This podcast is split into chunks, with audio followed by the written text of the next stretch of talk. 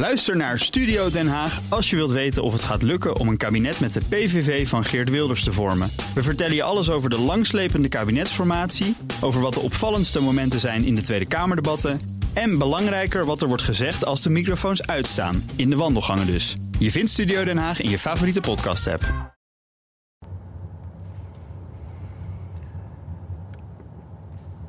Oké, dat is echt wel een sublieme reisauto. Ik zit in, ja, dat Bestode nichts. Uh, dat slaat wel heel erg op de nieuwe Mercedes S-klasse. Alhoewel je ook over een aantal dingen natuurlijk zou kunnen zeggen... nou, nou, nou, moet dat nu nog? Hè? Bijvoorbeeld motoren. In eerste instantie drie diesels en twee benzinemotoren. Waar zijn de elektrische varianten Mercedes-Benz? Maar goed, eh, daar komen we later dan nog wel weer op uh, terug. Laten we eerst eens even kijken ja, naar de S-klasse. Dat is natuurlijk zeg maar, de benchmark als het gaat over grote limousines. Uh, en dus ook deze is weer briljant. Ik, ik ga proberen uh, ja, een aantal dingen uit te lichten. Er is veel te vertellen, heel veel te vertellen. Um, Laten we eens beginnen met alle schermen die ik om me heen zie. Uh, achterin kan ik ook zitten trouwens. Dit is een lange versie. Dat scheelt 18 centimeter of 11 centimeter even in mijn hoofd. Um, dus dat is behoorlijk wat. Zit je dus ruimer. Daarin zit in deze versie inderdaad ook drie schermen. Hè? Dus twee zeg maar, van, die, van die schermen waar je tegenaan kijkt. Voor je je, je DVD-speler aan kan koppelen. Dat kan ook letterlijk. Er zit ook een HDMI-aansluiting. Maar daar kan je ook alle infotainment functies en autofunctie en navigatie mee bedienen. En dan hebben we in de middenarmsteun achter ook nog een schermpje waar je weer hetzelfde mee kan. Want stel dat je echt wordt gechauffeurd, dan zet je natuurlijk die passagiersstoel voor, zet je helemaal naar voren. En dan zit je zelfs rechts achterin, maar dan kan je niet meer bij dat scherm, wat een touchscreen is. Dan is het handig dat je daar toch ook weer een apart schermpje en display hebt om het te bedienen. Maar dan voor wordt het eigenlijk nog spectaculairder. Um, la Tesla, heel groot rechtopstaand scherm. Hè? Dus in portretmodus, uh, touchscreen, werkt erg mooi, ziet er fantastisch uit. Um, maar voor mij, daar beginnen de echt speciale dingen te komen. Uh, geen ouderwetse tellers meer. Maar wie dat dan toch een beetje mist, heeft dit scherm een 3D-functie. Uh, letterlijk zie ik wat diepte uh, in alle verschillende varianten van het display wat ik voor me kan toveren. Dus ik kan een kaart tevoorschijn toveren, zie je dan wat diepte in, maar ook gewoon klassieke tellers. En ja, die lijken dan zeg maar toch bijna echt. Uh, maar daar houdt het nog niet op, want voor mijn neus heb ik um, een heads-up display. Eh, die projecteert zeg maar, virtueel 10 meter voor de auto. Hè, dus lekker ver in het gewicht, uh, blikveld. Hè, zodat je niet vaak hoeft te wisselen tussen dichtbij kijken en veraf kijken. Hè. Dat, dat is vermoeiend. En dat zou kunnen zijn dat je dan afgeleid wordt. Dat je dan te lang zeg maar, voor je kijkt. Dan gebeuren er voor je allerlei dingen op de weg. Dus dat, dit is beter. Nou, heads-up display kennen we natuurlijk al. Dan staat bijvoorbeeld de snelheid en navigatiepijlen. En nog andere dingen die je zou willen zien. Maar hier zijn nog meer gave dingen. Um, we kennen het al van de Volkswagen ID4. Die was toch nou ja, bijna op hetzelfde moment hadden ze die functie. Ook de navigatiepijlen. Uh, ja, projecteert die virtueel zeg maar, op het wegdek uh, waar je heen moet. Nou ja, en dan ben ik nog lang niet klaar met alle details over de auto. Dit is overigens de S500. Traditioneel een V8.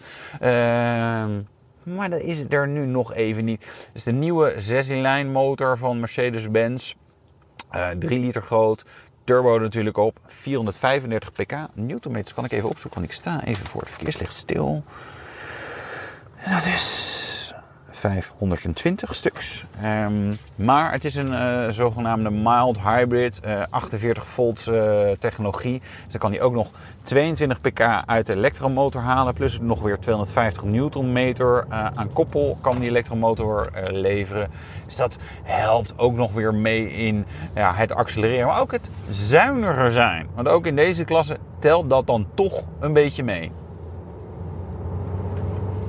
Prestaties dan. 250 km per uur natuurlijk, topsnelheid, begrensd. Eh, sprint naar de 100, 4,9 seconden. Voor zo'n grote auto. En dit is nog niet de AMG, hè? dus er komen natuurlijk nog sneller. Het, is, het is gewoon zeker snel genoeg. Uh, alhoewel je ook wel een beetje hebt op het moment dat je in een comfortstand rijdt. Hè. Nu, nu rijd ik bijvoorbeeld in de trajectcontrole even een stukje uh, achter een vrachtwagen. 75 kilometer op de teller, uh, 1100 toeren. Als ik natuurlijk nu wil accelereren, ja, dan moet die bak terugschakelen en dan, dan moet alles op stoom komen. En dat is natuurlijk wat je bij elektrische auto's wel hè, minder hebt. En dan is, het, is dat koppel er meteen. En dus dat voelt dan wellicht nog een tikje ouderwets. Alhoewel die daarna dan wel echt stappen zet. Weet je, dit is echt meer dan snel genoeg. Um, zo is nog wat andere versies inderdaad aangekondigd. Een S450, met eh, feitelijk hetzelfde blok, maar iets minder vermogen. Uh, en een aantal diesels. Um, ja, in deze klasse niet irrelevant natuurlijk, maar het voelt een beetje alsof we dat allemaal nooit meer gaan kopen. En ik denk niet dat dat zo is, maar we hebben in ieder geval de S350D en de S350D Formatic. Uh, de S350D is feitelijk de enige die nog nu zonder vierwielaandrijving leverbaar is. Uh, en dan hebben we een S400D, is allebei ook een 3 liter blok, uh, 286 en 330 pk. En voor de volledigheid, die S450, die er in eerste instantie alleen als Formatic ook is, 367 pk. En ze lopen allemaal 250 km per uur natuurlijk in de begrenzer. Dus ja, dat is waanzinnig. Maar ja, volledig elektrisch? Nee, dat is er nog niet. Dat komt natuurlijk allemaal wel bij Mercedes. Uh, maar dat, ja, dat voelt dan misschien nog een toefje uh, ouderwets. Uh, terwijl de rest van de auto, het is werkelijk briljant. Ronduit briljant. Ben ik nog dingen vergeten te vertellen? Ja, ongetwijfeld. Zal ik nog eens even spieken in het persbericht? Ja, dat wordt dan rijdend. Eigenlijk ook niet de bedoeling, hè. Maar het is ja, een monument van een auto. Echt letterlijk een monument van een auto. Met een monumentaal prijskaartje natuurlijk ook. Nou ja, dat ben je ook wel weer een beetje gewend. Bij BNR ben je altijd als eerste op de hoogte van het laatste nieuws. Luister dagelijks live via internet. Bas van Werven. En heel langzaam komt de zon op rond dit tijdstip. Je krijgt inzicht in de dag die komt op BNR, het Binnenhof in Nederland en de rest van de wereld. De Ochtendspits. Voor de beste start van je werkdag. Blijf scherp en mis niets.